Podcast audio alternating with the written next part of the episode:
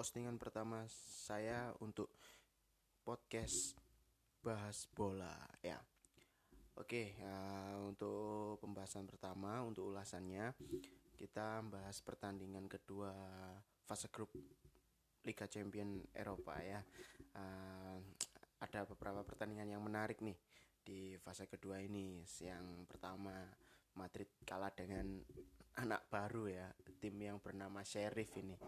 Uh, siapa itu Sheriff ya, bisa mengalahkan uh, Raja Eropa ya juara Liga Champions tiga kali berturut-turut kalah sama anak baru konyol. Terus kemudian Dortmund yang menang atas Sporting Lisbon ya 1-0 terus kemudian nih Porto nih yang sama Liverpool dibantai 5-1 di kandangnya Porto terus kemudian ada kekalahan menyakitkan ya di menit akhir dari Atletico Madrid uh, untuk Milan. Di San Siro men. Kalahnya di San Siro 2-1 kemudian klub Brugge sama Leipzig yang ya klub Brugge curi poin nih 3 poin di kandangnya Leipzig ya. Terus kemudian yang terakhir ada yang terakhir ada PSG sama Manchester City nih.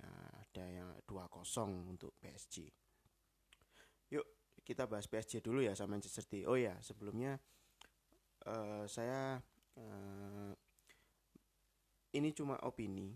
Ini cuma opini dari saya. Dari saya yang selaku fans sepak bola ya. Saya bukan pengamat saya tekankan lagi saya bukan pengamat saya bukan expert saya bukan uh, siapa-siapa di bidang sepak bola ya saya cuma uh, penggemar sepak bola itu aja ya jadi ini real opini ya kalian bebas berpendapat bebas eh, tidak setuju atau setuju dengan pendapat atau opini yang saya kemukakan ya. Oke, kita ulas dulu ya PSG sama Manchester City nih. Uh, secara apa namanya? Secara sumber daya pemain atau di atas kertas nih PSG Manchester City ini seimbang harusnya ya. Dari materi pemain sama-sama punya pemain-pemain yang berkelas nih. Oke ya tapi pembedanya di PSG ini ada God ya. God itu greatest of all the time ya, ya ada pemain sekali per Lionel Messi nih yang membedakan ya. Uh, Manchester City klub besar di Inggris salah satu klub besar juga di Eropa di era 2010 sampai sekarang. Kemudian ada Paris Saint Germain juga salah satu klub besar klub kaya dua-duanya klub kaya ya. Sama-sama punya materi pemain yang berlabel bintang juga banyak dari belakang sampai depan pembedanya cuma Lionel Messi menurut saya. Lionel Messi kemarin bermain sangat uh, belum di puncak performa menurut saya. Cuman Lionel Messi ini bermain sangat efektif ya. Sangat uh, apa ya sangat sangat Lionel Messi gitu. Ya uh, dua gol dicetak oleh Idrissa Gueye di menit 8 sama Lionel Messi di menit ke 74 uh, golnya Messi ya. Kita utama uh, yang utama golnya Messi kita bahas nih. Itu ikonik banget ya. Uh, kita flashback lah ke Barca untuk Jules-Jules nih. Uh, pasti sangat bernostalgia tuh dengan manuvernya Lionel Messi ya. Dari dribbling dari tengah tuh uh, passing ke Mbappe back pass. Ya Mbappe sebagai tembok di back pass aja langsung shoot uh, ke pojok ya tendangan kepo kalau katanya. Uh, siapa? Siapa itu presenter itu namanya? Apa? Jepret itu loh jepret TV itu namanya tendangan kepo katanya. Kepo jok. Nah, itu. Hantam dengan kaki kiri ya kaki andalannya Lionel Messi. Ke pojok kiri ke pojok kiri atas gawangnya Anderson ya menang 2-0 atas Manchester City. Uh, dari statistik uh, sebenarnya Manchester City ini penguasaan bola ya 54% sama berbanding 46% ya wajar sih untuk Guardiola untuk penguasaan bola uh, yang biasanya lebih dominan ya di klub-klub yang Guardiola tangani. Penguasaan bola jadi artnya jadi seninya jadi uh, andalannya ya 54% berbanding 46 nah ini nih dari shoot jauh 18 berbanding 6 yang on target on goal untuk Manchester City 7 berbanding 3 yang artinya berarti Manchester City ini secara uh, hampir 90 menit itu ofensif lebih ofensif ya. Tapi gak ada gol gak ada gol ya. Ya itu tadi yang saya bilang di awal pembedanya cuma Lionel Messi. Di PSG ada Lionel Messi. Ya untuk pelanggaran 12 berbanding 8 untuk Manchester City uh, kemudian kartu kuning ya untuk uh, overall statistiknya sih sama sama-sama uh, ini ya hampir hampir berimbang ya hampir berimbang. Tendangan penjuru nih yang beda 10 berbanding 2 Nah, penyelamatan save dari Donnarumma ini 7 berbanding satu. Artinya apa? Donnarumma ini juga terus uh, sangat dibombardir ya sama apa lini depan Manchester City ya. 7 penyelamatan dibanding satu. Artinya apa? Manchester City ini ofensif sekali sebenarnya. Cuman pel, apa namanya? kurang beruntung aja dapat gol ya. Tadi seperti yang saya bilang, sebenarnya sebenarnya PSG sama Manchester City ini secara statistik materi pemain itu 11-12 lah, ndak ndak jauh beda. Cuman yang membedakan itu tadi, PSG punya god bro, Lionel Messi yang terbukti di pertandingan kemarin uh, sangat efektif lah, sangat Lionel Messi sekali ya permainannya. Oke, okay, uh, ada hal lucu juga di pertandingan kemarin yang sangat ramai di media sosial, Twitter, Instagram apa pun Messi disuruh untuk rebahan di pagar betis ya. Ketika Manchester City dapat tendangan bebas sama kaptennya PSG tuh e, disuruh rebahan ya. Itu viral banyak pendapat yang katanya kata apalagi kayak kata Ryan Giggs yang e, tidak sopan lah katakan untuk Lionel Messi berada di situ. Tapi e, uh, banyak yang mensupport juga bahwa Messi tidak gengsi walaupun berlabel super uh, mega bintang ya mega bintang tapi dia membantu tim dengan cara apa pun untuk bisa mendapatkan hasil yang maksimal. Oke, PSG 2-0 selamat untuk PSG ya. Uh, untuk Manchester City uh, ada fan-nya nggak ya? nggak bercanda bercanda bercanda. Untuk PSG ya selamat 2-0 uh, dengan statistik yang ya oke. Okay.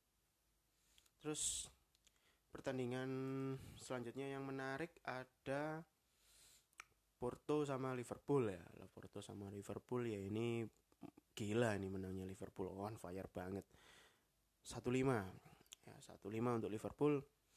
Enggak uh, ada yang spesial menurut saya karena memang uh, Liverpool satu kelas di atasnya Porto menurut saya ya. Oke, satu kelas di atas Porto jadi lawan Porto ya harusnya bisa curi tiga poin walaupun itu di kandang Porto. Tapi saya tidak menyangka bahwa satu lima nih hasilnya untuk Liverpool. Uh, dua gol dari Mohamed Salah, Sadio Mane sama dua gol lagi dari Roberto Firmino. Uh, dan dari Porto dicetak oleh Mehdi Teremi di menit ke-74 1-5 untuk Liverpool uh, untuk statistik uh, sangat jomplang ya menurut saya. Sangat jomplang. Penguasaan bola 67 berbanding 33 persen untuk Liverpool shootnya juga 21 berbanding 6 yang on target 13 berbanding 3 sangat jauh ya sangat ofensif sekali Liverpool. Ya menurut saya trio depannya Liverpool ya ini terbukti cetak gol semua nih trio depan dari penyerang Liverpool. Trio apa namanya singkatannya itu guyonannya itu trio Firmansyah. Firmansa katanya Firmino Mane Salah nah, itu. Terbukti mereka masing-masing cetak gol ya. Dua gol dari Salah Sadio Mane dan dua gol dari Firmino. Terus pelanggar pelanggaran berbanding 10-10 ya. Pertandingan yang cukup hmm, cukup intens cukup uh, ya Liverpool men. Liverpool dengan kayak ya kayak petarung ya jiwa petarung ya yang match sebelumnya lawan Milan aja kena di comeback di comeback lagi itu. Keren sekali Liverpool. 5-1 untuk Liverpool. Ya penguasaan bola shoot on goal uh, apa pun ya. Ini Porto juga yang menarik nih melakukan kipernya melakukan delapan penyelamatan ya. Bayangin mbak delapan penyelamatan. Kalau bombardirnya gila-gilaan tuh Liverpool. Ya ya jauh lah kalah sta, kal, dari kalau statistik memang kalah materi pemain menurut saya juga kalah. Karena memang levelnya Liverpool ya menurut saya untuk sekarang satu ke, apa ya satu level di atas Porto. Ya mungkin Liverpool juga salah satu kandidat apa ya salah satu favorit nih favorit di Liga Champion. Bahkan dia favorit juga juga apa di IPL ya favorit juara di IPL dan, dan Liga Champion ya Oke, okay, next ke AC Milan nih. AC Milan kalah lagi di pertandingan kedua ini yang setelah sebelumnya ya, sebelumnya kalah sama Liverpool nih. Pertandingan yang sangat memorable ya kalau dengan Liverpool ya. Memorable, historis, terus ya keren seperti keren sebenarnya Liverpool sama Milan itu DNA champion kata DNA Eropa ya sangat seru kalau bahas Liverpool sama Arsenal. Eh Arsenal. Kok tiba-tiba ada Arsenal ya? Liverpool sama AC Milan ya. Dua du, salah salah dua raksasa Eropa ini ya. Tujuh gelar Liga Champion untuk Milan sama enam gelar Liga Champion untuk Liverpool. Tiga dua kemarin dimenangkan oleh Liverpool ya. Tapi pertandingan overall itu berjalan sangat seru. Keren sekali. Cuma yang membedakan ya itu tadi efektivitas serangan dan skor akhir itu aja. Sebenarnya Liverpool sama Milan keren sekali pertandingannya. Ya terus di match day kedua ini bertemu Atletico ya di grup neraka ini AC Milan ini. Hampir menang hampir ya tapi uh, buat apa kalau hampir menang kalau hasil akhirnya tetap kalah ya hampir menang ya. Satu dua untuk Atletico Madrid golnya dicetak oleh pemain lama apa ya pemain baru rasa lama ya pemain baru rasa lama dari Antoine Griezmann ya, ya Antoine Griezmann sama Luis Suarez penaltinya Luis Suarez ya. Nah, itu ya untuk Milan sih sebenarnya kalau dari cara bermain ya ya mengandalkan efektivitas counter attack ya ini kalau dari statistik penguasaan 64% berbanding 36% loh. Ya Atletico sebenarnya bukan tipe apa ya tipe klub yang bermain possession ya menurut saya. Kalau saya bilang itu Atletico itu reaktif football ya reaksi. Jadi uh, lebih mengandalkan counter attack efektivitas uh, serangan balik kayak gitu. Jadi artinya uh, defensif yang sangat dalam pemain yang apa ya pemain tengah depan itu defensifnya luar biasa. Jadi aneh kalau stat dari statistik untuk penguasaan 64% untuk Atletico berbanding 36% untuk AC Milan. Tapi ya kenyataannya di lapangan seperti ini mungkin Atletico juga ya Atletico juga klub Spanyol ya. Jadi permainan khas Spanyol yang penguasaan bola atau uh, lebih dikenal katanya tiki taka ya. Tapi uh, kalau Tiki Taka kan lebih identik dengan Barcelona ya. Tapi hampir semua klub Spanyol itu bermain dengan possession ya karena bola-bola pendek seperti itu. Terus shoot on goal ya juga sangat jomplang ya. 22 berbanding 7 sangat jauh. Dua tiga kali lipat ya. AC Milan nyerang tujuh kali kena uh, shoot tujuh kali terus Atletico berbanding dua-dua ya tiga kali lipatnya nih hampir. Lebih terus yang on goal ya itu tadi. Nih Atletico juga mungkin kemarin kurang beruntung ya bukan kurang beruntung gimana? Maksudnya serangannya tuh 22 yang on target cuma 5 ya. Ofensif sekali tapi tidak menemui gawang ya. Ya buat apa juga menemui gawang tapi tidak gol juga gitu loh ya. Ya ujung-ujungnya sepak bola adalah skor permainan cantik itu cuma bonus. Yang ujung-ujungnya skor ya. Buat apa permainan cantik tapi kalau tidak bisa cetak gol khasnya Atletico nih pelanggaran ya. 10 berbanding 8 ya. Terus semuanya overall ya mereka sama-sama bersaing ya. Kartu kuning satu terus AC Milan ini ada kena kartu merah masalahnya. Ya mungkin itu yang membuat permainan agak berubah permainan agak uh, lebih condong lagi atau le, apa Atletico akhirnya punya ruang tuh untuk uh, curi poin ya. Terbukti gol-golnya juga di menit akhir kan satu dua untuk Atletico gol dicetak oleh Antoine Griezmann. Ya seperti yang tak bilang tadi pemain baru rasa lama ya.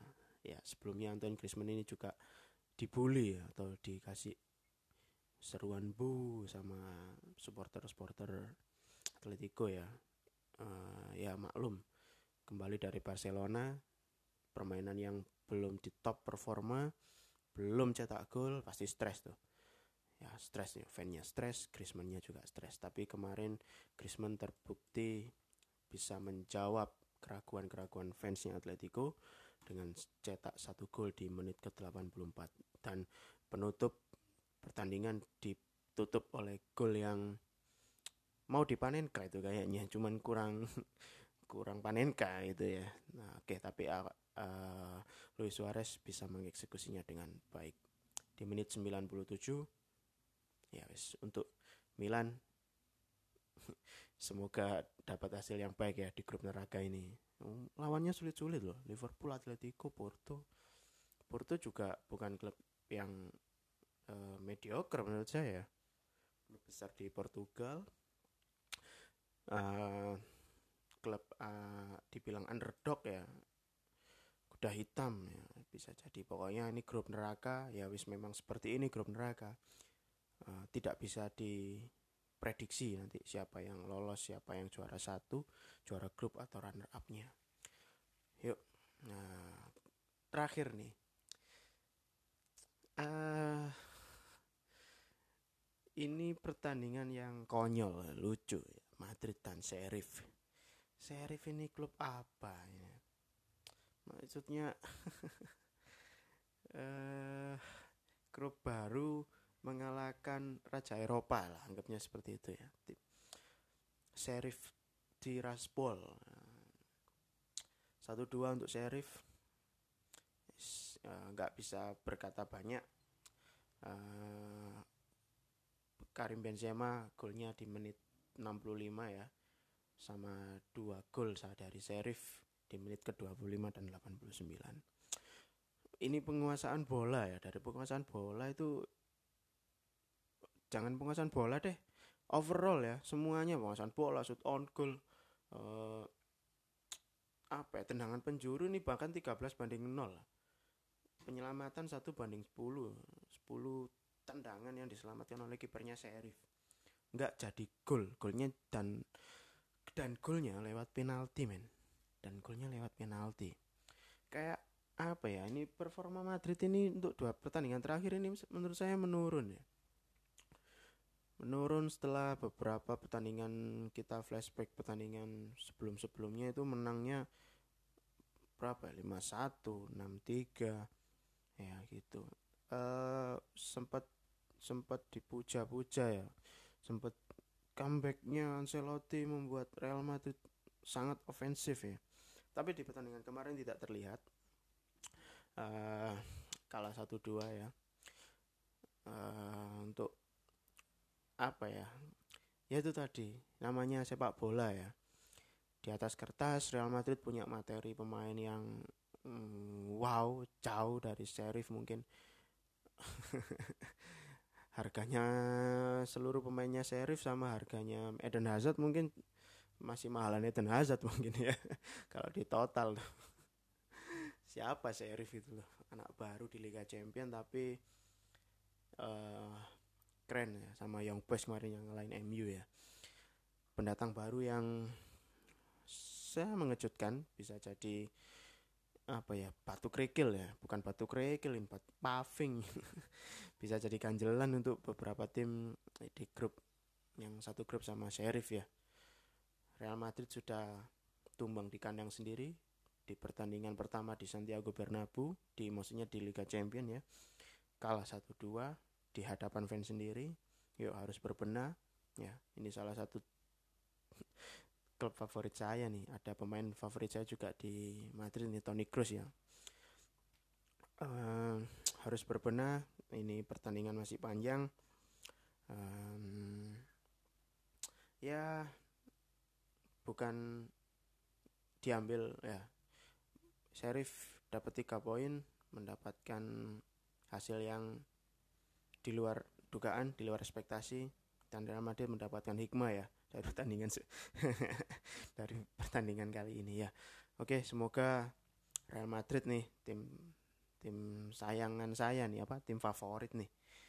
Semoga bisa apa ya bisa terus melaju jauh ya di di Liga Champions musim ini ya karena musim kemarin sampai semifinal tuh. Maksudnya kita katanya DNA-nya DNA Liga Champions ya DNA Eropa Raja Eropa pemilik uh, Liga Champions terbanyak 13 trofi ya dan tiga trofi diraih tiga kali beruntun ya. Itu itu apa namanya historis sekali ya.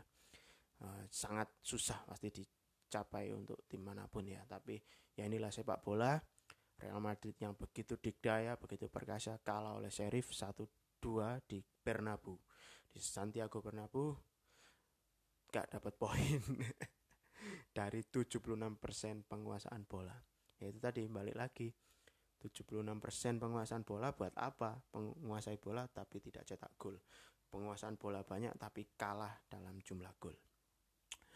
Oke, uh, oh ya, uh, untung ya, untung PSG menang dan Lionel Messi cetak gol, jadi mungkin uh, fan-fansnya apa ya, cules, tidak, tidak sedikit beritanya sedikit tertutupi ya sama kehebatannya Lionel Messi, sama kebintangannya Lionel Messi yang cetak gol di PSG, cetak pertama gol, cetak gol pertama, oh, cetak pertama gol ya apa sih, ya itu.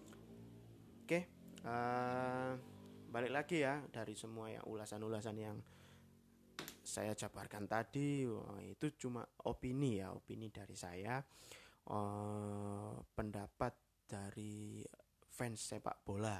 Ya, saya tekankan lagi, saya bukan expert, saya bukan pengamat sepak bola, saya adalah fans sepak bola. Ya, saya cuma fans sepak bola yang uh, mencoba untuk beropini ya dari sudut pandang saya pribadi. Oke, kalian bisa berpendapat berbeda. Yuk silakan kalau mau dibahas silakan di komen, silakan di uh, apa ya di kritik dan sarannya. Oke, silakan monggo. Ya, ini sekali lagi cuma opini ya. Oke, uh, dari saya ya, uh, Wahyu Ragawan di bahas bola uh, cukup sekian. Ya kita nanti akan bahas-bahas uh, bola. Ya banyak nggak tidak dari uh, hasil pertandingan aja. Nanti kita bahas hal, -hal unik uh, apa pun lah ya apa pun tentang yang terjadi di sepak bola dunia. Ya oke okay, thank you. Uh, terima kasih. Ya jaga kesehatan. Ya semoga kita bisa bertemu di lain waktu. Ciao